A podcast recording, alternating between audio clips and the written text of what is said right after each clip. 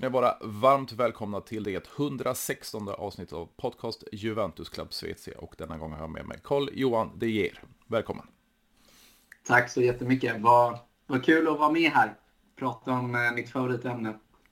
Ja, precis. Du, eh, du sitter ju och skriver på, på Juventus-redaktionen på Svenska fans. Precis. Eh, det är någonting som jag har tänkt göra länge och så skrev jag ett meddelande till dem höstas och sen, sen har jag kört helt enkelt. Ja, det är lysande att jag, jag fick tag på det då, för jag försöker hitta lite mer, eh, eller ja, alla, alla supportrar som är med i podden är ju inbitna, men jag menar sådana som sitter och skriver och krönikerar och så vidare. Det, det, är kul att ha med så många som möjligt i podden.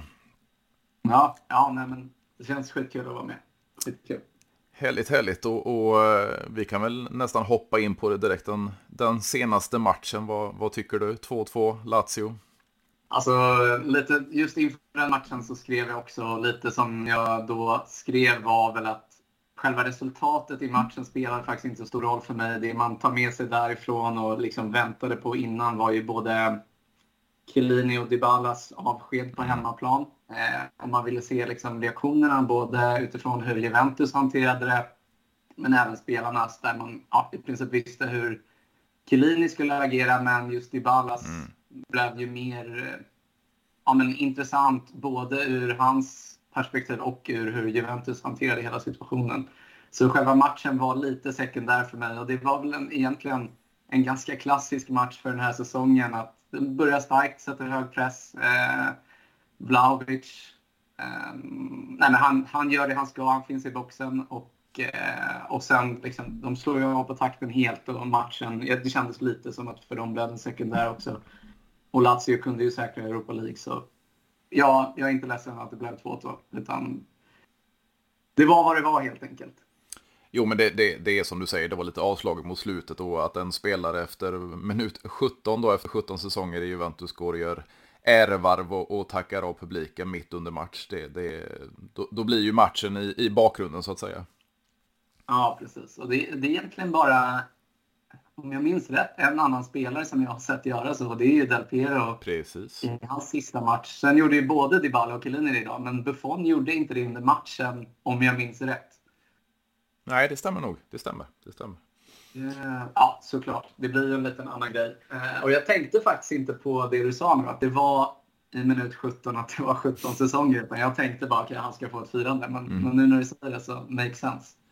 Ja, men det är viktigt att man gör det på det sättet. Sen blir det väl lite, vad ska man säga, lite jippo av det också. Men, men eh, ja, han skulle ju få spela några minuter åtminstone i sin sista hemmamatch på, på Allianz Stadium. Och Ja, vi fick ju se en Paolo Dybala då gråtandes. Eh, visade, tycker du att han visade på äkta känslor där efter eh, sju säsonger i Juventus eller vad, vad tror du det berodde på?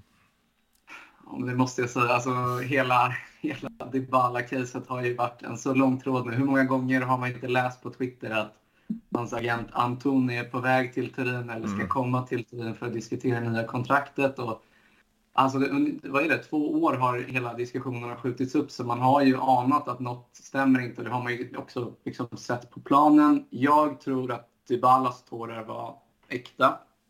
Eh, jag, tror, jag tror att det är lite ångestfyllt för honom.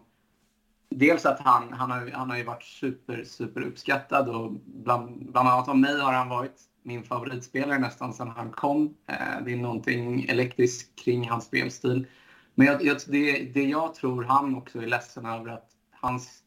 Det, Dybala i Juventus blev inte riktigt vad det hade kunnat bli.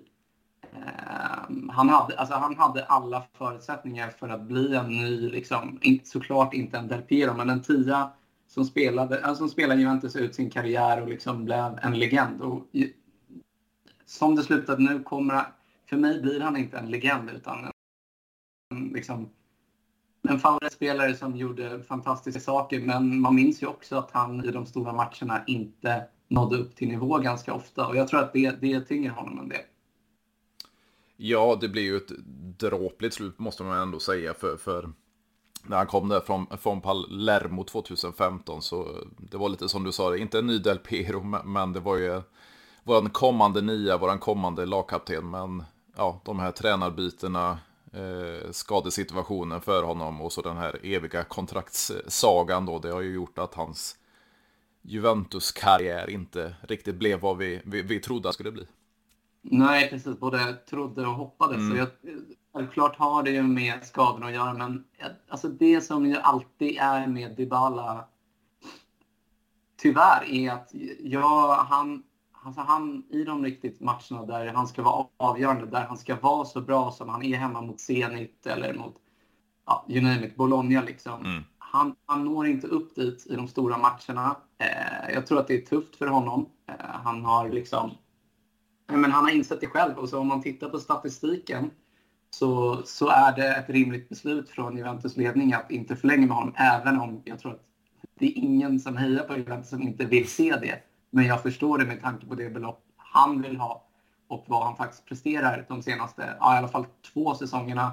Under Sarri gjorde han ändå, då, då, spelade, då var han faktiskt bra eh, när han var skadefri, måste mm. jag säga. Men första året med Ronaldo, då försvann han ju helt. Eh, och, där, och där tror jag också hans psyke spelar in, att Ronaldo kom in och var den stora stjärnan. Dybala fick spela andra fiol och eh, fick inte samma liksom, frihet. Eh, det handlade om för honom blev det att leverera till Ronaldo och den, liksom, jag tror han behöver ha det här han, han, han behöver känna sig älskad för att prestera på topp och när han inte gör det så, så blir det inte helt bra helt enkelt. Och det är där han sviktar lite. Ja, och det är ju där som du var inne på att det blir ett rätt beslut att Juventus inte förlänger då, för man valde ju att lägga dryga 8 miljoner euro på Vlaovic i januari och det blir ju den, den kommande anfallsstjärnan egentligen och, och då skulle ju Dybala få acceptera en lägre lön och spela andra fjol som du var inne på och det kanske inte fungerar för honom helt enkelt. Nej, nej, precis. Och när man och där liksom när man tar in en spelare som Vlahovic, ung, eh, har alla förutsättningar att liksom vara den stora bomben i Juventus. Ja, förhoppningsvis minst 5-6 år till. Mm. Eh, det, det, blir lite som du sa, samma situation som, ja, som kanske när Ronaldo kom. Att liksom, det är svårt för Dybala att, att inte vara the main man. Så, um, och och eh, Juventus ledning är inte direkt kända för att göra känslosamma beslut. Nej. Om vi tittar, liksom, jag tycker att det har funnits värre beslut genom åren än det här och det här var jag ändå besviken på. Men det, är ju, det, det ser som ett företag. Om vi tittar på till exempel att de valde att inte förnya med Claudio Marquisio. Det var, mm. det var något som där och då gjorde mer ont i mig än vad det här faktiskt gör. För att eh, Marquisio, visst han åkte på sin knäskada, men han hade fortfarande mycket att ge.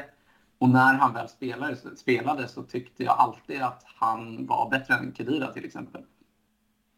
Ja, men jag är helt med dig. Alltså, tar vi min bakgrund in i Juventus, då var Del Piero som fick in mig i klubben och sen var det arvtagaren, mm. det var Marquisio för mig. Så, så att han blev, vad ska man säga, behandlad. Det, det, det har varit diskussioner även när, när Del Piero fick lämna, att man inte tyckte det var speciellt ja. snyggt. Eh, och, och dessutom med Marquisio då med, med knäskadan, den här svängen till Zenit, alltså det svärtar ner hans Juventus historia lite. Ja, ja, nej men precis, precis. Och det, det är liksom, och där var det ändå, det var inte så att Marquisio begärde något speciellt eller så. Det var inte så att han inte ville fortsätta. Så det beslutet förstod jag verkligen inte. Eh, men det är också det här lite alltid och det liksom, när det kommer till Chiellini och sånt och visst, kanske inte i Marquisios fall, men i Del Pieros fall och så att en spelare aldrig får bli större än klubben och Dybala samma sak, han var otroligt älskad. Mm. Eh, men, men det är ju Juventus, det ska vara spelare som presterar hela tiden och följa order. Och jag tror att Del Piero de sista åren med när han var otroligt stor efter allt han hade gjort, allt han har gjort för Juventus. Man får nästan gåshud när man säger mm. hans namn. Eh, ska komma in där, Conte kommer in. Eh, och det, jag, jag, tror att det var en liten del där, där liksom Conte ville ha full kontroll över allting. Agnelli var helt öppen för att ge honom det och Piero i truppen, så respekterad som han var, så funkade det inte helt och hållet. Sen ville ju såklart, och, och som vi kommer ihåg, Del Piero fick sitta otroligt mycket på bänken sista mm. Han klagade inte, men jag tror att det tog på honom ändå. Jo, men det var ju liknande eh, situation i, i Roma där och Francesco Totti när, när Spalletti ledde laget där. Alltså det var mycket bänknötande för Totti också. Mm, precis, precis. Men det, det, det är en svår situation, men vi kan ändå hoppa in på, det är ju faktiskt idag som eh, Andrea Agnelli då suttit på presidentposten i 12 år. Vad tycker du om om dessa år under eh, Andreas eh, ledande.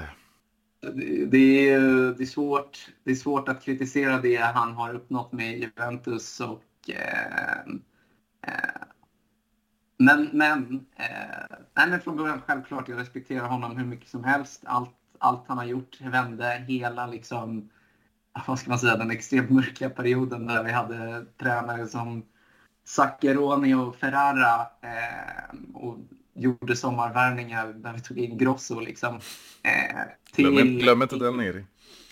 Nej, Del Neri också. Jag hörde bara Milos, Milos hela matcherna. Eh, nej, men att det, det han har gjort, beslutet att ta in Beppe Marotta där och då efter, han, hade, han hade gjort det bra men inte liksom den här superprofilen och så bra som det blev och de besluten som han har fattat, även investeringarna han har gjort, nya arenan, det, det har gett Juventus så mycket. Sen, sen tycker jag att de senaste fyra åren har Agnelli tappat greppet eh, lite. Dels, det, och det kan vi prata hur mycket som helst om, mm. men värvningen av Cristiano Ronaldo, där började det på något sätt. Och jag vet att det var inte bara han såklart. Paratici var väldigt sugen. Mm. Och jag tror också att eh, just den värvningen, nu, nu svävar jag runt lite, men jag tror också att värvningen av Cristiano Ronaldo var eh, det som fick Marotta att lämna till slut. För han mm. insåg att det, det funkar inte att agera så här. Men, och hela, hela cirkusen kring Super League och så, det känns som att han har blivit för eh, affärsdriven på sätt och vis eh, och kanske ser mer till pengar än framgång för själva klubben. Eh, och det han har gjort med Ultras och höja biljettpriserna och jag vet inte. Det, det, man, man vill se lite mer att det som händer på planen ska betyda lite mer. Eh, och jag tycker att han har tappat det de, de tre senaste säsongerna. Ja, det blir ju lite som jag var inne på där med, med Del Piero Marquisi och så vidare. Att man, man svärtar ner en historia. Alltså, eh, Andrea Angeli har gjort otroligt mycket för Juventus och varit en stor faktor i det här. Nio raka eh, Scudetti, två Champions League-finaler, alla cupvinster och så vidare inhemskt eh, arenan, mm. damlaget, U23-laget och så vidare. Eh, men det är som mm. du säger, han har börjat sakta men säkert tappat det lite eh, med The Super League, med, som varit inne på i tidigare avsnitt, med, med byte av loggan, ta bort ja. de klassiska ränderna, så vi kan nämna ganska mycket saker som har fått det och, och, och bägaren att rinna över så att säga. Ja, nej men precis. Och, och jag tror liksom där kan man likna Ronaldo-värvningen lite med det som Real Madrid gjorde med Beckham, vad var det, 2003? Att ur marknadsskäl, självklart Cristiano Ronaldo är... Man, man, man, kan inte klaga på fotbollsspelaren Cristiano Ronaldo, men jag tror att han såg affärsmöjligheten i att värva Ronaldo också. Och om man hade zoomat ut och tänkt lite på vilka tre, fyra spelare vi hade kunnat betala lön för, för de pengarna som Ronaldo fick och dessutom truppstatusen som han gavs jämfört med de andra. Det är liksom, jag tror att man hade kunnat agera mycket, mycket bättre där om man verkligen hade räknat till resultaten på plan. Definitivt. Och, och vad tycker du då om, om, om Ronaldo-värvningen överlag? Alltså, jag ska inte säga att jag inte var, var nöjd när jag började läsa på Twitter att det faktiskt var, att det faktiskt var på gång. Jag vet att jag eh, Nej, jag var aktiv där. Jag, jag hånade många kompisar och var liksom, det här händer faktiskt. Och självklart var det ju extremt, när den här första bortamatchen mot Kiev och när Ronaldo stod i Juventus-tröjan, då kände man bara, händer det här verkligen? Mm. Eh, så stor som han var då efter de här liksom, fyra Champions League-vinsterna i Real Madrid, där han hade varit direkt avgörande varje gång. Ja, det var, för mig var det helt otroligt då att Juventus, liksom, klubben man har följt genom alla, genom tunga åren, eh, faktiskt värvade av dåvarande världens bästa spelare. Det är klart att det var hur häftigt som helst. Eh, men man började ju inse redan under andra halvan av första säsongen att liksom lagmässigt, och det här är absolut inte Cristianos fel, men det funkade inte riktigt och sen blev det fortsatte det på den vägen att liksom själva laget presterade inte så bra. Eh, Allegri fick lämna, man ville ta in Sarri, eh, spela på ett sätt där, och det var liksom, idén med Sarri var ju såklart, vi ska spela en offensiv fotboll, en mer attraktiv Guardiola-fotboll, men det, vi ska leverera till Ronaldo hela tiden. Mm. Och det, det, visst, det funkar, men man, och det funkade i Real Madrid, men där får man komma ihåg att spelarna runt Ronaldo höll högre kvalitet än vad de gjorde i Juventus under den här perioden. Eh, och Juventus för mig, det som man alltid liksom har älskat lite är att det är, det är ett lag på alla positioner med spelare som gör sitt jobb för laget, inte för en person. Jag upplevde att det är ganska mycket så när, när Cristiano var i klubben faktiskt. Ja, och det blir ju lite... Jag tycker ju inte det är likt mitt Juventus. Tre säsonger med Antonio Conte, eh, extremt framgångsrik. Fem med Allegri. Sen tar man in Sarri, kickar efter den. Tar in Pirlo, kickar efter mm. den. Tar tillbaka Allegri. Alltså den här oregelbundenheten så att säga. Den är inte lik Juventus. Mm. Nej, nej, nej, men precis. Och, ja, ska prata, så, för att summera Ronaldo så var det ett mm. felaktigt beslut i efterhand. Det var svårt att inte se det då. Eh, men det, det, tycker jag absolut. Eh, men att liksom det här beslutet att ta in Pirlo som tränare är beyond me på så många punkter. Eh, och jag, jag, dels från Juventus och jag förstår att han gör det, men att Pirlo väljer att tacka ja där, det är en otrolig risk han tar.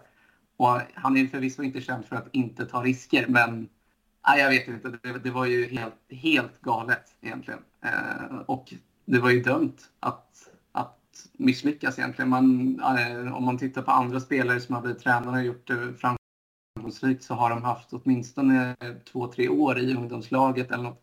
Pirlo, vad hade han gjort? En eller två träningsmatcher med Primavera innan han tog över Juventus A-lag. Det är liksom det är också ett helt galet beslut. Eh, och sen blev det som det blev då. Eh, det fanns liksom, jag vet inte, den, den, det är en säsong som man bara vill glömma, liksom den här. Eh, att det fann, det, jag vet inte om du upplevde det också, men hela tiden att ett, spelarna följde inte sin tränare. Enda spelidén var att vi, vi levererar till Cristiano, han, han ska göra målen. Mm. Eh, och eh, och det fanns en idé om att spela en possession fotboll, men det var ju inte jätteofta vi såg att den faktiskt var framgångsrik. Under Sarri så fanns det faktiskt några matcher där det såg riktigt bra ut, men det fanns ju ingen kontinuitet då heller. Nej, och det var ju lite, eh, alltså det, det är en sanning med modifikation, men det var ju mer eller mindre 38 uppställningar under 38 seriematcher ah. under Pirlo. Eh, ja. och, och, som du säger, under Sarris ledning, då fick vi faktiskt se en tidigare nämnd Dybala eh, blomstra egentligen i hans spelsystem. Det var väl kanske ja. mer centralt med en, med en Pjanic som inte fungerar i Jorginho rollen i hans spel egentligen, men Dybala blomstrar verkligen. Ja, och det, det, är någonting som jag faktiskt har tänkt på en del, att när man insåg att eh, Sarri skulle ta över Juventus och vi hade Pjanic där, att mm det kändes ju på förhand som en match made in heaven, men det, det var ju, och tyvärr blev det ju Pjanic svagaste säsong i Juventus, mm. men det funkade inte. Och jag kan inte riktigt liksom avgöra vad det var som inte funkade, om det bara handlade om Pjanics form. Men, men liksom, han var ju som klippt och skuren för att spela i den positionen i Sarris system. Vad, vad tänker du om det? Jag tyckte det var extremt konstigt för alltså när vi gjorde den värvningen från Roma där, då gick han ju mer eller mindre som eh, trekvartista ner till en registerroll och var briljant ja. i, ja, vad blir det, två, två tre säsonger. Eh, mm. och, och, eh, det är ju egentligen Jorginhos roll, han kanske möjligtvis är lite längre upp i banan, men, men spindeln mm. i nätet, det skulle ju Pjanic fungera som som handen i handsken, tyckte jag. Men eh, som du är inne på, det, ja. det, nej, det såg inte alls bra ut. Nej, nej precis. Och det konstiga är att jag, eh, kommer säkert folk reagera, men just då i den, liksom, så bra som Pjanic hade varit innan, eh, så, så höll jag honom högre än Jorginho där då, mm. eftersom att jag tyckte att Pjanic hade det längre spelet ännu mer än vad Jorginho har. Han spelar ganska enkelt, även om han är extremt säker och löser svåra situationer. Men eh, Pjanic hade ju den, vad ska man säga, eh, edgen att han, han kunde spela långt också och, och ja, slå en assist från egen planhalva. Det har jag aldrig riktigt sett med Jorginho.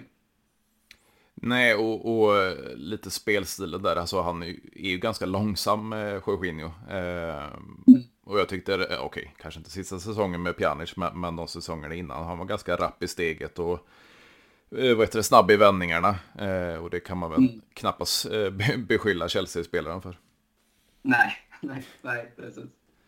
Nej, nej, det är, alltså, nej men för att summera, det är, det är mycket som, som, som har gått snett för vårt Juventus de senaste åren. Och det, som, det, det som jag tar med mig just nu är att vi nådde Champions League. Mm. Och hur otroligt viktigt det faktiskt är, dels för att kunna locka spelare men också pengamässigt. Eh, hade, hade Juventus inte gjort det, då, alltså, då hade risken varit att det blev en, en Milan-situation 2012 mm. när man liksom inte orkade klättra tillbaka. United, liksom, Arsenal, andra exempel på klubbar som inte har klarat den här liksom, ja, tappet och hur, hur lätt det blir ifrån sprungen i dagens fotboll när det handlar mer om pengar än kanske vilken tröja. Ja, samtidigt så jag känner mig personligen ganska, vad ska man kalla det, ambivalent i, i Juventus de två senaste säsongerna. För som vi varit inne på, det är mycket förändringar. Kanske framförallt på, på tränarposten då, men även i, i spelartruppen och så vidare med, med enorma värvningar av eh, Cristiano Ronaldo nu med, med lite tyngre avsked och så vidare. Men mm. jag har varit inne på det tidigare, de här nio säsongerna, det är klart att man alltid vill vinna. Men konkurrensen mm. i ligan har ju inte funnits där. Nu finns Nej. konkurrensen och då är det svårt att ta en fjärde plats två säsonger i rad. Då, mm. då blir det åt andra hållet. Jag, jag, välkomnar konkurrensen, men jag vill ju inte se Juventus kämpa om en, om, om en fjärde placering. Eh, samtidigt som jag inte tror, eh, som du var inne på där med, med Milans fall och, och långa väg tillbaka till toppen. Jag tror absolut inte Juventus kommer hamna i en sådan lång, eh, vad blir det, tioårig svacka så att säga. Eh, utan Nej. jag tror det är de här två säsongerna. Och nu bygger vi vidare på framtiden. Och jag tror det kommer gå ganska snabbt för Juventus att hitta tillbaks. Eh, så där är jag fortfarande optimistisk. Ja, nej, det, det är skönt att du är det. Jag, jag tänkte mest på att eh, men inför sommaren att vi faktiskt nådde Champions League och liksom spelarna som man kan locka nu. Mm. Eh, för låt säga att man inte kan ta in spelare, måste ta in spelare från mindre klubbar som man hoppas kunna bli bättre. Istället för att ta in etablerade spelare som, och de spelarna det faktiskt har pratats om är spelare som också passar Allegri. Eh, som är rutinerade, vet liksom, okej, okay, jag tar det här jobbet. Om vi tar exempel Di Maria, han spelat på högsta nivå hur länge som helst. Han kommer, han är rutinerad med en tränare som styr honom rätt. Jag hoppas inte han är för hård mot Di Maria bara vi såg vad som hände i United. Mm -hmm. så, så tror jag att det är bra. Även liksom, Perisic hade varit en drömvärvning för Allegri tror jag. Det är, det är en perfekt Allegri-spelare. Mm. Eh, nu får vi se om båda kommer, men också... Och, och där, nu, nu snackas det ju väldigt mycket om Pogba. Man vågar inte säga så mycket. Självklart vill man ha tillbaka Pogba. Men där hade jag ju hellre tagit Milinkovic Savic, även om jag förstår att det är svårt att lägga den transfersumman just nu. Men så bra som han är och han är också en eh, i min bok en riktig, riktig Allegri-spelare som tar instruktioner och gör det han ska och är briljant dessutom. Jo, men jag är faktiskt inne på exakt samma, samma alltså få in den här, eh, om vi tar Perisic, arbetshästen som bara löper, löper, löper. Eh, och är giftig när han kommer in eh, från sina kantspel och, och eh, skär in så att säga. Eh, det är ju typiskt mm. Allegri-spelare som du säger. Eh, lite, ja, nu gick centrala anfallare till ytter i Mandzukic, men, men den är hårt arbetande. Ja. Som bara löper, löper, löper. Eh, och det är mm. Maria som, som du är inne på, alltså erfarenheten. Han kan avgöra de stora matcherna i Champions League. Eh, och dessutom så kommer man få tillbaka en, en Federico Chiesa i ja, november för fall. Så att man skulle ha de här tre yttrarna som, som eh, roterade in till eh, Vlaovic, det, det hade ju varit eh, väldigt välkommet. Mm. Sen det här med Pogba eller Milinkovic Savic. där är också lite ambivalent för alltså om man får tillbaka en Pogba. Nu är han några år äldre, alltså han lämnade oss när han var, vad blir det, 23. 23-24 där någonstans. Nu är han 29. Eh, mogna till inte haft sina bästa år i United, kommer tillbaka till Juventus där han var, utvecklades och blev den han är. Eh, känner sig älskad i Italien, känner sig älskad i Turin, Juventus. Det hade ju varit extremt bra för Allegri eh, att få tillbaka en sån spelare. Samtidigt har vi då en Milinkovic Savic med några år yngre, eh, mognat lite mer i, i Lazio, för han hade ju en säsong efter han verkligen slog igenom som han inte alls var på samma nivå, men nu börjar han ta sig upp igen en fysisk mm, spelare mm. som har teknik och så vidare. Så, så jag vet faktiskt inte vem jag personligen skulle välja mellan dessa två. Eh, Pogba blir dyrare i lön. Eh, Savic blir dyrare i, i, i prislapp. Men eh, ja, det är svårt att välja. Ja, det är svårt att välja. Men du är inne på en grej där att självklart känner ju Allegri och Pogba varandra väldigt bra. Mm. Och Pogba, alltså under åren eh, 14, 15, 15, 16 under Allegri, hans två sista år i Juventus. Mm. Hur bra var inte han då? Framförallt i ligan. Men där, där under de två säsongerna så tänkte jag liksom, här har vi en framtida Ballon d'Or-vinnare. Sen, det, det för honom, det är lite samma, det har inte blivit vad han hade hoppats i United. Men, men så bra som han var då, om han kan uppnå den nivån, självklart, då är han en bättre spelare än Milinkovic Savic. Det bara, han måste uppnå den nivån också. Och det, det kanske är ligger i rätt man för, jag vet inte. Men det är helt uppenbart att vi behöver en sån spelartyp i alla fall. Som kan hantera bollen på mittfältet. Eh, inte bara spela i sidled, vilket alldeles för många spelare som gör. Mm. Eh, och dessutom driva bollen framåt eh, och ta egna avslut. Vi har inga mittfältare som gör mål nu. Eh, det är liksom den enda som... Och, och, det är Rabiot som tar bollen framåt ibland. Och Rabiot, det finns få spelare som jag hellre vill ska lämna klubben. Men han är liksom den som kan göra det just nu. Eh, Locatelli, han, jag tycker han är bättre i sin sittande roll. Arthur, han spelar... Han, han är inte en Allegri-spelare. Jag ser gärna att han lämnar också. Om vi hade fått in en sån kvalitetsspelare som Pogba eh, och ha kanske Locatelli och Zakaria bredvid eller bakom så tror jag faktiskt att vi hade haft ett ganska starkt och fysiskt mittfält med både kreativitet och eh, som kan stänga framför backlinjen. Jag tycker det är väldigt intressant att diskutera. Jag gjorde det på, på Twitter idag med, med två som följer min sida. Det här med hur man ska ställa upp då ett potentiellt mittfält. Om vi ponerar att ja. det blir 3-3 med tre innermittfältare. Mm. Får in en Pogba eller Milinkovic Savic. Som i min värld mm. borde ha en ja, det är en Metsala-roll, en offensiv Exakt. roll, en kreativ roll, en ganska fri roll. Men vem mm. sätter man i så fall som mer box-box? Vem sätter man mer som en register? Eller om man nu vill ha en register överhuvudtaget. Av de spelarna mm. vi har. För jag vill ju inte se egentligen en Locatelli gå för djupt. I min mening. Jag, jag tycker han är bättre mer offensivt, eh, flyter mellan linjerna som man gjorde i Sao Solo, som man gjorde i, i Gliadsurri. Eh, mm. Sen skulle han fungera som en register också, men jag vet inte riktigt om jag vill ha han där. Alltså när man tittar på Locatelli så har han ju alltså dels i hur han rör sig och hans spelstil många likheter med Marquisio. Alltså han kan mm. spela längre upp, han springer väldigt mycket, han rör sig rätt, han har bra teknik. Men eh, jag, jag, tänkte faktiskt på det senast mot Lazio. Då fick han ju spela i den sittande rollen. Han hade ett flertal crossbollar där han helt vände på spelet och som satt på liksom eh, bollar som satt helt perfekt. Så han har ju det spelet i sig och jag ser inte riktigt, alltså så här, att ta in Pogba, han ska sitta i registerrollen. Nej, nej, nej, nej. Precis. Samtidigt så hade det varit perfekt om vi hade haft ja, men, en Pjanic-spelare, Locatelli till höger och Pogba till vänster. Det mittfältet mm. hade varit otroligt kul att se. Zakaria är ju en eh, Matuidi som kan löpa och jag, liksom, ta jobbet. Sen är han inte en spelspelare. Han kan ta sig framåt också. Han faktiskt ganska vassa avslut. Men det är också en spelare som måste växa in i Juventus. Jag, jag, jag tycker han har varit bra. Men det finns, det finns mer att önska från hans sida tycker jag. Så nej, jag, jag, håller med. Däremot av de som vi har, om det blir det transferfönster vi tror, då tycker jag Locatelli är mest lämpad.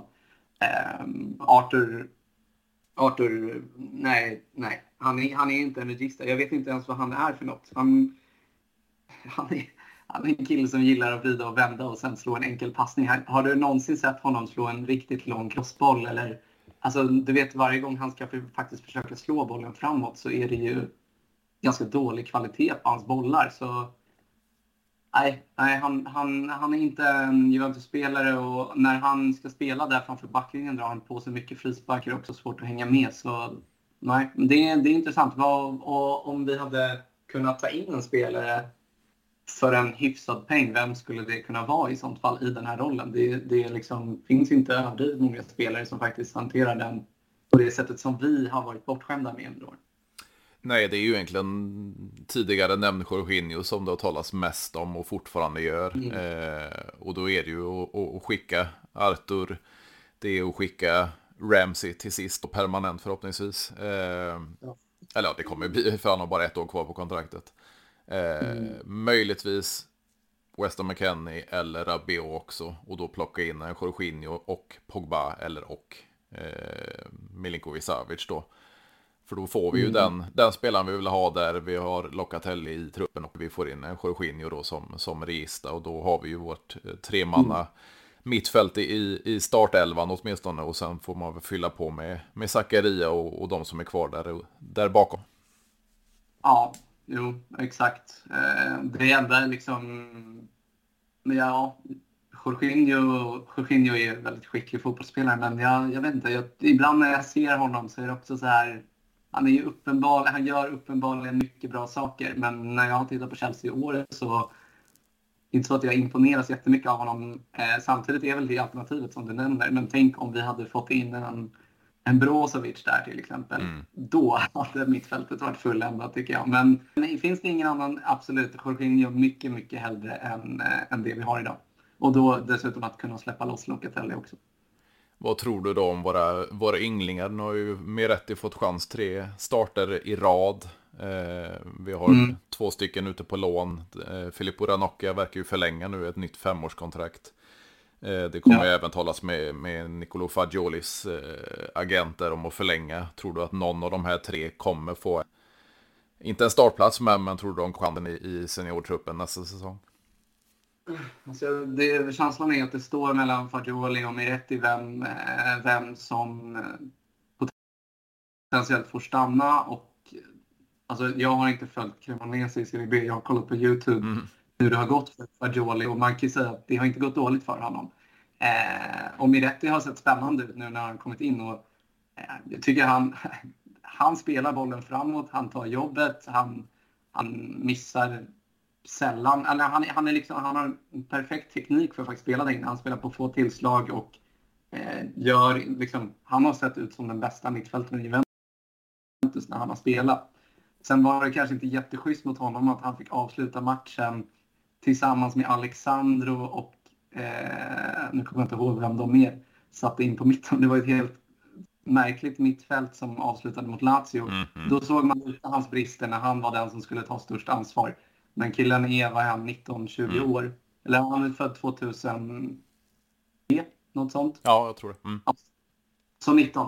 Eh, det är svårt att vara den, men eh, det jag har sett av honom så har jag blivit väldigt imponerad. Och där kan jag bara hoppas att det inte blir... Alltså, det hade varit fantastiskt att se både Fagioli och Miretti stanna. Sen kanske det inte är bra för båda att vara kvar, för någon kommer ju få sitta mycket mer bänk. Mm. Men att någon av dem gör det hoppas jag verkligen. Och då skulle jag nog i dagsläget välja Fagioli, för han har gjort sitt år och spelat eh, på seniornivå, gjort det bra. När han var intressant redan förra säsongen när han fick spela ganska mycket i Coppa Italia. Mm. Eh, och han, han påminner en del om, eh, om Modric kan jag tycka i hur enkelt han spelar. Han ser avslappnad ut hela tiden. Han ser aldrig stressad ut. Och han är kvick också, snabb. Och dessutom har han visat i Serie B att han kan avsluta och ta sig upp i planen också. Ehm, så jag tror inte han är lösningen på registerposition, men det är två spelare som två spelare för första gången på länge som kommer från Juventus egna led som ser riktigt, riktigt intressant ut. Ja, det, det är ju, eh, vad ska man säga, en, en stor fördel att ha det här U23-laget. Vi är ju det enda storlaget som har detta i, i Italien egentligen. Eh, mm. Jag fattar inte varför det är, inte mer klubbar som, som utnyttjar det här systemet och har talanger i sin, i sin klubb och kunna plocka upp dem när det behövs, när det är mycket skador eller avstängningar och så vidare. Och, och mm. Eh, då kunna skicka ut dem på lån dessutom nu, som vi får se Fagioli blomma i Cremonese.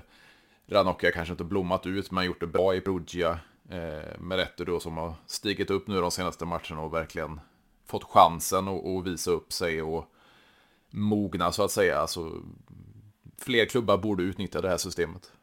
Ja, verkligen. Det är väl ungefär det, är väl det liksom de spanska lagen har gjort under en längre mm. tid och det har ju verkligen funkat för dem. Om man tittar på Barcelona och eh, Real Madrid liksom. Så nej, nej, det är verkligen bra. En spelare som Marlon Ake som också mm. har kommit in ser pigg ut. Han ser, han ser också ut som en spelare som har alla förutsättningar. Sen, han har sett lite nervös ut när han kommit in ofta. Mm en dålig touch när han har gjort någon bra sak innan. Eh, men, men, men absolut, det är som du säger en väldig, en väldig fördel och, och de får spela då. Men de behöver inte vara utlånade och dessutom vara tillgängliga och få spela seniorfotboll. Så nej, nej, det är bra. Det är jättebra. Eh, men nej, men det är svårt. Mellan Ranocchia kan jag faktiskt inte säga att jag följt så mycket. Klart jag såg träningsmatchen förra sommaren, han gjorde mm. mål. Men, men, men annars i Serie B har jag inte följt honom lika mycket som Fagioli eller tittat på statistik och så. Så, sen, sen är det något med Fagioli också. Han ser ju, han ser ju cool ut. Så. Uh, han ser elegant ut. Så ja, jag vet inte. Kanske, han är väl favorit för mig helt enkelt. Ja, jag tycker det var extremt kaxigt när han eh, skrev på, för, eh, på lånet för Cremonese och sa att han skulle flytta upp dem. Och vad hände? Och så gjorde han det? Jajamän, han, han har ett, eh, han fotoscreenade ett sms till en kompis eh, som han skrev Exakt. när han eh, skrev på för Cremonese då, jag ska flytta upp dem. Sen ändrade han på det uttalandet efter han tog upp den att det var vi som gick upp. Så det var inte, det var inte han själv, men det var ändå kaxigt. Ja, ja det var lite som mm, Cristiano efter 2-0 borta mot Atletico. Mm. Såg du den? Han var ju bra Will smash them at home och så han målet. Ja, det är extremt mäktigt. Fy fan. Ja, det är det.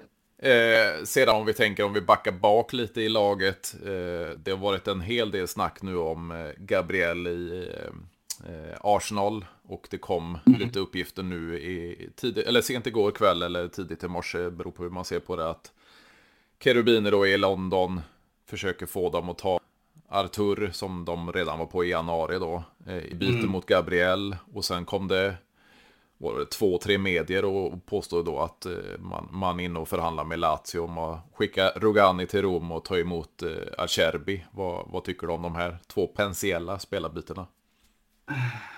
Alltså Arthur mot Gabriel jag absolut inte nej till. Sen ska jag vara helt ärlig och säga att jag har inte sett jättemycket av, av eh, Gabriel. så jag kan inte uttala mig så jättemycket om hur bra jag har förstått att han är väldigt uppskattad. Så mm. det låter ju på papper men eh, när det gäller Acerbi så är det en spelare som är bevisad på den här nivån. Han har hållit länge. Sen är det kanske inte någon som man vill ha som första val. Det skulle han inte vara heller.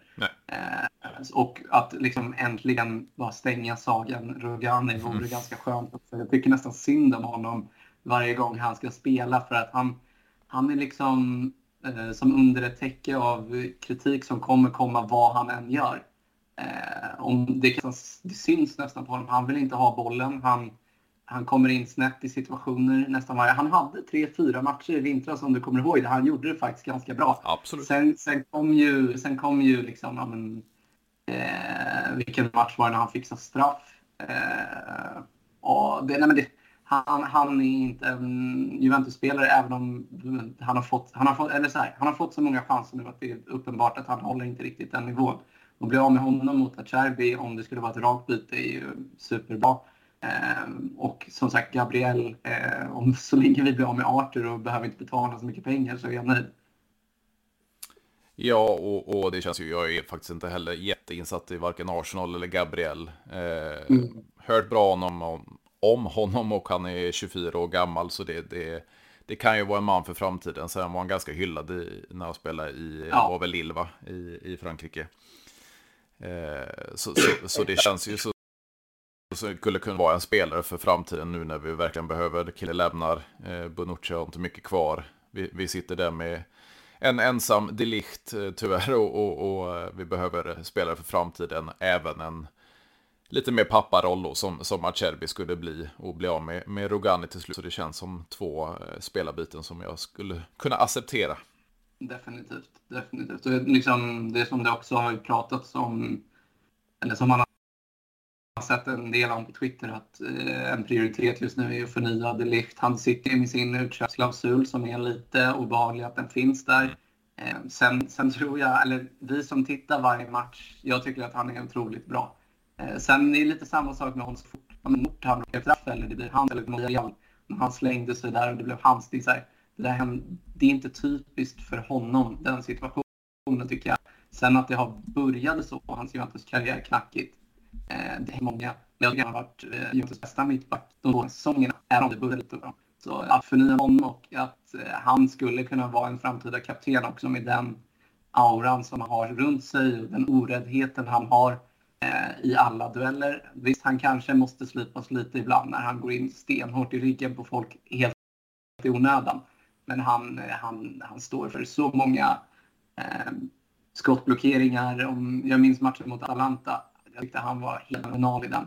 Eh, och räddade Juventus faktiskt. Och det är, det är sådana insatser han kan stå för och han är liksom mentalt en, en spelare som verkligen matchar tröjan han spelar. Jag tror att han, han och jag, det, känslan är att han vill vara kvar i Juventus också. Så jag, jag hoppas verkligen att han stannar och blir liksom den som tar över efter Chiellini och Bonucci att vara den liksom stora mittbacken vi har. Jag är helt med dig. Jag var inne på det för några avsnitt sedan det här med, jag tror det var Seymour studion och även utländska experter och så vidare som, som eh, talar om Delicht som att han gör för mycket misstag och så vidare. Men ja. det är som du säger, de måste ju leva kvar från förra säsongen där 2019-20 när han det var lite hands här och där och orsakade straffar och så vidare. Det var ett traggligt första halvår åtminstone till klubben. Men sen, som du säger, han har ju varit åtminstone Juventus bästa mick två säsonger i rad och en av de bättre i Serie A. Ja, nej men precis. Så jag minns hans första match, var en träningsmatch mot Inter, så gjorde han själv mm. 20 minuter bara där fick han ju lite typ start. Men nej, nej, jag håller helt med. Men, men om vi pratar längre ner i banan så måste det... Quadrado blir äldre och äldre. Danilo, mm. visst, han är en bra ytterback, men han, är, han tar jobbet. Sen, jag, jag, jag vet inte, jag kan tycka att han blir väl hyllad ibland. Han har fortfarande... Han, finns, han har helt rätt inställning, han gör bra saker, men rent tekniskt eh, så fallerar han ibland fortfarande. Alexandro, jag fattar inte vad som har hänt med honom. Jag tyckte han, eh, var det, 2015-2016 när mm. han gjorde sin första säsong.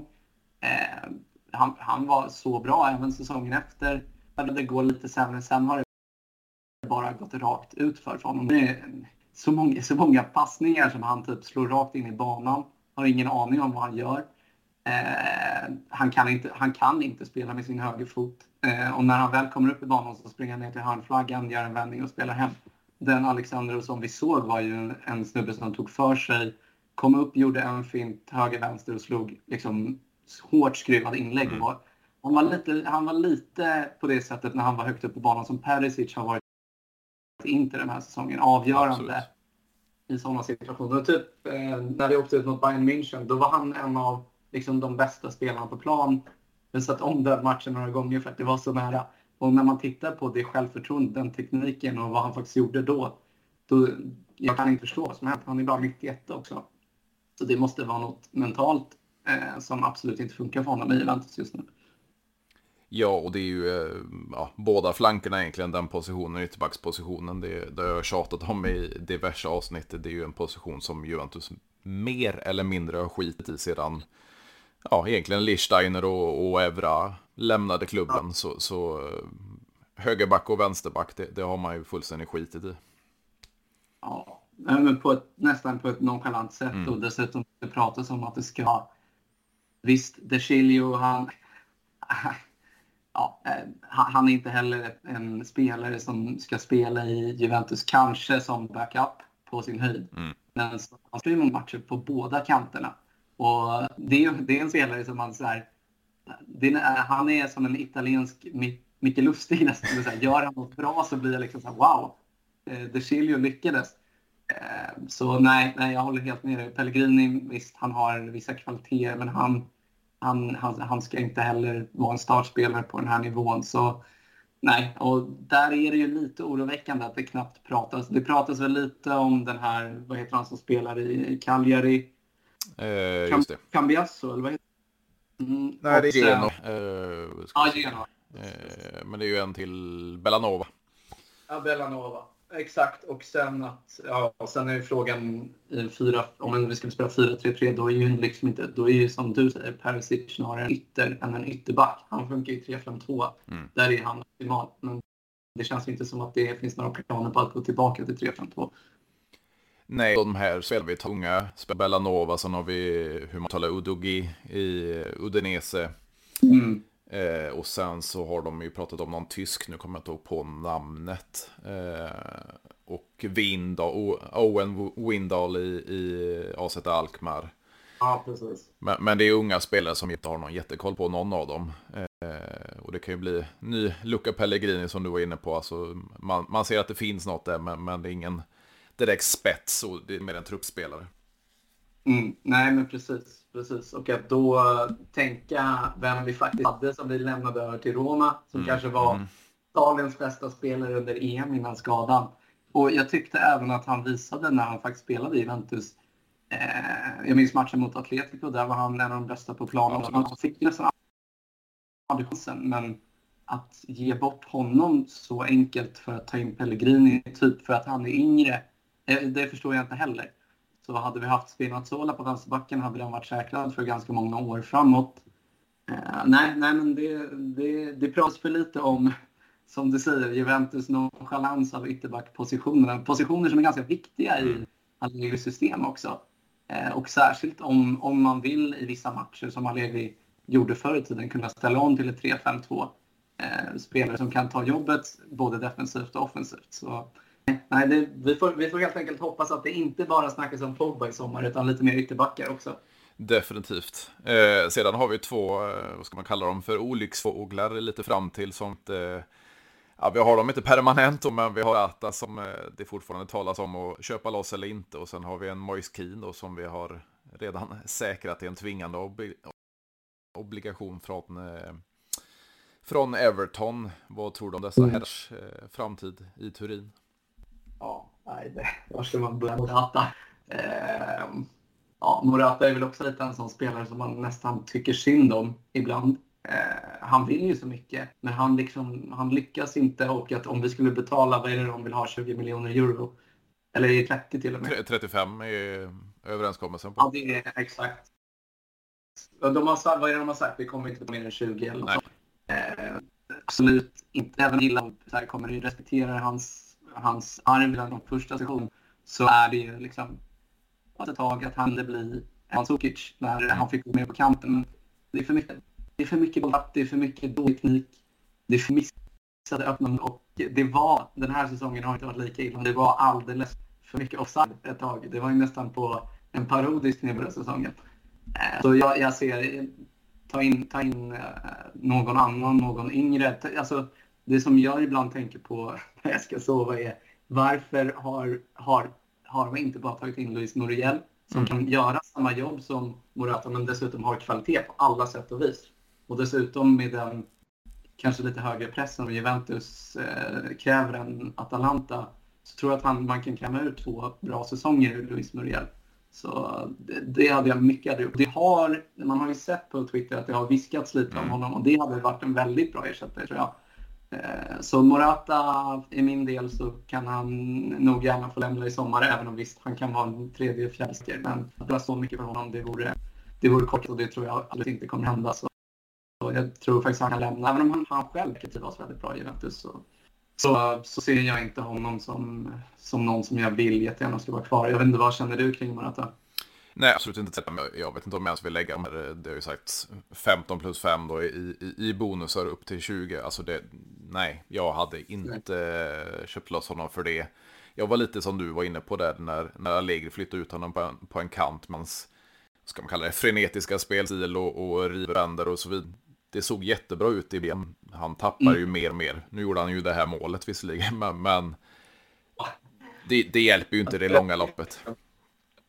Uh, nej, nej, precis. Och det är väl det som är grejen. När, när Morata är bra, uh, då är han faktiskt rätt bra. Men det kommer ju var tredje, var fjärde match. Mm. Uh, nej, och Moise Keane, det är ju nästan... Jag vet inte vad jag ska säga om honom. Han, han får han inte chansen matchen mot Genoa till exempel, de missarna han stod för. Mm. Eh, det, var, det var något i hästväg. Och det är uppenbart att eh, snubben inte verkar trivas så hjälpa i, Juventus. Så släpp honom till PSG om han mår bättre där. Eh, och där han kan få spela. Eh, där, dels har han bättre spelare runt sig, men också det var uppenbart att han trivdes där och gjorde faktiskt det bra. Jag trodde att Moise Keane skulle vara, när, när, han, när de tog hem honom i somras så var jag faktiskt rätt exalterad. Men men nej, han har inte alls fått till det. Också en, lite, lite lik Morata i spelstilen, rivig, teknisk. Det, det, känns som att hans teknik är liksom mer inövad än naturlig när han gör sina finter. Mm. Så han har inte så bra timing i det han gör. Och dessutom eh, om han inte trivs i klubben som det inte ser ut som han gör, då kan man lika gärna låta honom gå. Eh, jag tyckte att det var fel att släppa honom från början till Everton för han hade gjort det riktigt bra mm. sista halvåret där. Han gjorde han sex mål då och dessutom flera avgörande mål. Men, men nej, det, nej, nej, Moise Kean eh, kan definitivt få lämna klubban också. Tyvärr på ett sätt. Jo, men det är ju nästan när, när vi är inne på just Moise Kean-affärerna alltså som man släppte dem där. Det var ju under Allegris sista säsong som, som mm. Moise Kean blommar ut, går till Everton, floppar, går till PSG och gör ganska mycket mål, visserligen i, i en sämre liga och i ligans extremt mycket bättre lag än, än alla de andra. Eh, mm. Och jag trodde också att han skulle komma tillbaks på, på samma sätt som han lämnade och, och var riktigt bra. För han var ju bra i landslaget den, den tiden också. Eh, men, men det, jag, jag låter som en papegoja för jag har talat om Moise i så många avsnitt. Men, men det här, mm. han har ingen riktning i löpningarna, alltså han, han ser förvirrad och, och yr ut. Han ser extremt tung ut. Eh, ja. Jag vet inte alls vad som har hänt. Och i och med att han är uppväxt i Juventus, alltså kommer från ungdomsakademin och så vidare och, och alltid talat väl om klubben. Då måste det ju vara någonting mentalt som stoppar han den här gången, för, för det, det ser så jävla dåligt ut så jag vet inte vad. det... ja. ja, nej, nej, jag håller med. Det är också det här, du vet, han springer, gör sina, gör sina luriga finter, men så mm. tappar han bollen och sen drar han på sig frispark hela tiden. Han kommer ju för sent eh, hela tiden. Han, en typisk Moise Keane den här säsongen. Får, han vet inte ens att han ska få en passning och typ får den på klacken. Eh, det, det, blir, det blir liksom bara fel hela tiden. Så nej, nej. Och det, är väl, det är väl just det som vi var inne lite på i början av avsnittet. Att, att ta in lite mer rutinerade spelare som vet vad deras tränare kräver av dem. Eh, som kan ta jobbet. Typ som när man, ja men, liksom en, vi pratade om honom lite, Lichsteiner. Sådana mm. spelare, kanske ja, men Perisic och så vidare, som, som Allegri kan lita på, kan styra. För nu har han ett lag med eh, ganska unga spelare. Eh, och det är inte samma, liksom, jag vet inte, det är inte samma som Casano kallade Juventus-spelarna för soldater, så är det inte längre. Utan, utan, det känns mer som att det är individuellt. En spelare som är fantastisk, eh, som är lite av en soldat, är ju Chiesa. Eh, och dessutom som har en otrolig kvalitet framåt. Mm. Eh, spelare som kan ta en uppgift och göra den och sen skita i att du måste synas eller vara bäst på något annat sätt. Det är sådana spelare Juventus behöver nu. Eh, och det som vi sa, det som de har snackat om i sommar så tycker jag att det känns rätt positivt faktiskt. Ja, och på tal om just det, lite, lite avslutning på avsnittet. Nu, nu kommer ju inte Allegri få sparken, alltså han skrev på ett fyraårskontrakt och, och man kommer inte kicka en tränare igen. Åtminstone inte eh, i nästa säsong. Och, och eh, anser du att Allegri är rätt man för att bygga det här vidare eller bygga upp det för en ny spännande tränare om några år? Alltså, med det spelarmaterialet han fick ärva efter Pirlo så är det lätt att vara efterklok. Men när, det, när de sa i somras att Allegri var klar för Juventus då tänkte jag att nu är räddaren tillbaka. Mm. Eh, men när, när, man liksom tänker på det eh, efterhand så är det klart att svårt för honom med den fotbollen han vill spela att göra så mycket mer än det han faktiskt har gjort den här säsongen. Vi hade ändå en stryk från oktober till ja, mars där vi inte förlorade en enda match. Mm. Eh, sen ser det inte kul ut när de spelar, men han har inte haft sådana spelare han behöver. Vlahovic är en sån spelare som passar perfekt under Allegri. Zakaria också, tror jag. Även om han har haft lite svårt att anpassa sig. Eh, så nej, så här, vi har inte så mycket att välja på. Allegri kommer vara kvar. Ge honom de spelarna han vill ha så tror jag att det kan bli ganska bra. Man kan i alla fall vinna ligan och kanske någon kvarts semifinal i Champions League eh, med rätt spelarmaterial. Självklart så så från början hade det kanske varit smart att börja om helt men jag vet inte vem jag liksom där och då hellre skulle tagit in. Det är lätt att säga att ja, vi ska ta Zidane, men Zidane hade världens bästa lag med mm. Real Madrid och sen när han kom tillbaka så blev det faktiskt inte superbra heller. Så uh, nej, jag, jag, tror att Allegri kan absolut vara rätt man för att ta Juventus tillbaka eh, med den disciplinen som kommer med honom. Men svår, han behöver rätt spelarmaterial så tror jag att det kommer bli bra. Och eh, dessutom så um, tycker att han får... Of alltså här, jag har varit en av dem som har klandrat honom den här säsongen, men vi vet ju att han spelar som fotboll. Sen, eh, sen visar han prov på... Eh, Allegris svaghet är att när Juventus leder med 1-0, att han är för liksom... Eh, ja, men gammaldags italiensk i sitt synsätt att vi ska stänga det här. Mm. För när Juventus många matcher så börjar de och spelar superbra, sätter hög press. Liksom nästan eh, mörsar ner sina motståndare och gör 1-0. Men sen så stannar det av helt och hållet. Kunde man fortsätta göra 2-0, sen spela lite mer tryggt, då hade jag varit mycket mer i. Det var så det Juventus funkade under honom första sessionen. Nu har det blivit... Eh, jag vet inte. Jag tycker att eh, första halvlek ser ofta väldigt bra ut. Sen, sen blir det stressigt och nervöst och det funkar inte. Och det kanske handlar, det ligger på Allegri men det ligger också en del på spelarna. Så jag tycker inte bara man kan kritisera honom hela tiden. Och eh, som du sa att du vill vara positiv om Juventus framtid så vill jag vara det om Allegri också. Jag tycker om honom i grund och botten. Jo, men det är ju lite som jag har varit inne på det, inte i allt för många avsnitt kanske, men det här med tidiga sessionen under Allegri. Man fick ju se mot de här mellanlagen, mot bottenlagen, att, och även mot vissa storlag, att Juventus inte lalla med bollen, men, men alltså man tog det lite lugnt första 30, första 45 och sen när vi slog på mm. minut 55-60 någonstans där, då la man till en växel eller två och körde mer mm. eller mindre över motståndet. Och det spelar egentligen ingen roll vilket lag det än var. Utan man, man var så självsäker. Och säger, mörsa över eh, motståndaren. Mm. Och det vill jag ha tillbaka i Juventus. Alltså, mm.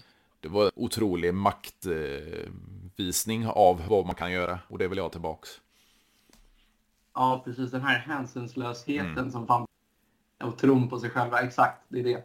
Eh, och, och sen ska man komma ihåg med Allegri att eh, han fick ärva ett lag av Conte mm. som var otroligt bra och disciplinerat. Och jag tror liksom att det var, det var den perfekta movet att han som är liksom lite mer taktisk när det kommer till internationell fotboll än vad Conte har visat sig vara i Europa. Allegri kunde liksom ta sig an de här stora matcherna på perfekt, med perfekta matchplaner och med en trupp som gjorde exakt vad han sa. Då blev det väldigt framgångsrikt med den truppen som Conte hade byggt upp. Så han hade en lättare situation då. Nu, nu blir det intressant att se om de kan bygga om det här och få in dels eh, disciplinen men också den taktiska skickligheten som, han fakt som vi vet att han har. Så eh, det blir, det blir väldigt spännande att se men jag, jag tycker att den här säsongen har vi sett skymtar av det. Och även om statistiken visar att eh, säsongens Juventus nästan var sämre än Pirlo så tycker jag att spelet stundvis har sett bättre ut än vad... Alltså typ när Juventus ut mot Villarreal hemma, ja det blev 3-0 men det var inte så att det inte fanns lägen första, första halvlek. Den matchen hade kunnat sluta hur som helst. Så, och hade de slagit ut Villarreal och gått till kvartsfinal och sen nått Champions League då hade vi inte varit lika besvikna som vi är idag. Och det här spelet, vi tar väl i den andra ligamatchen. Vi har spelat så mycket mot Inter det senaste, men jag tror det var andra ligamatchen eh, ja. innan eh, Supercupen och Coppa Italia där, alltså första 25 minuterna. Alltså vi hade så hög press ja. så jag vet inte vad. Nej, exakt. Det, slutade med att vi förlorade den matchen, men det ja. var egentligen Juventus bästa match den här säsongen. Och jag har sett flera interister som har skrivit det också. De, liksom, de brukar inte vara så ödmjuka, men just där och då till exempel Siavush skrev ju det. Liksom, mm. fan, inte blev överkörda idag. Nu vill de vinna på ett Juventus-sätt. Typ. Men om Juventus kan komma upp i den nivån i många fler matcher så då är jag inte så orolig. Nej, och det är lite som jag har varit inne på med folk som jag diskuterat Serie A med denna säsongen. Så som Milan mm. spelar nu, det är så ja. ju, juveeskt så, så det går att bli. Alltså du, du kan spela så ja. skit, men du vinner med 1-0, 2-1. Ja. Ja, precis. Och, eh, jag vet att vi ska avsluta, men mm. vad, vad, vad tycker du om att Milan, eh, ja, nu jinxar någonting här, men ser ut att ta hem eh, ligatiteln i år? Ja, jag har ju inte så här varma känslor för Inter. Eh, och eh, även fast Zlatan lämnade Juventus på ett jävligt icke-sätt så eh, får han avsluta på topp med en, en scudetto i handen. Ja, ja men och det är väl främst det att det är så jäkla skönt att inte Inter mm inte får den och Milan är ändå en klubb, ända sedan jag var liten faktiskt har respekterat Eh, ja, jag känner, jag känner faktiskt inte så... Alltså, Inter och Napoli... Jag vill inte säga vad jag tycker om dem, men Men Milan har jag alltid haft respekt för. Det känns som att det finns en gemensam respekt mellan klubbarna också. Att Juventus och Milan har alltid varit gentlemannamässigt med hårda, hårda och bra matcher. Men det har alltid varit så att vi vet att ni är bra och ni vet att vi är bra. Framförallt fram till 2007, 2008, eh, de där åren. Och det är den liksom, nostalgin med Milan man har lite och se dem hur de var ute i Europa.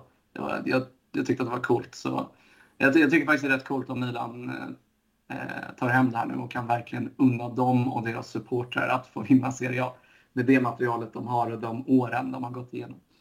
Ja, vi får väl efter det raka titlar låta de två andra randiga lagen i norr vinna varsin och så, så kör vi igen. Ja, ja det, låter som, det låter bra. Det låter bra. Men stort tack Carl-Johan för att du ville vara med. Det känns som vi kommer få, få spela in ännu ett avsnitt för det, var, det är mycket att diskutera och du har mycket bra insikter och du är väldigt inbiten supporter så det, vi får nog köra en, en gång igen här i sommar. Det, det gör jag gärna. Det var jättekul att vara med. Eh, tack så jättemycket att du hörde av dig och som sagt, jag kommer gärna tillbaka. Härligt, härligt. Så då hörs vi av helt enkelt. Det gör vi. Jaj. Ha det så bra. Det är samma, det är samma. Hej. Hej.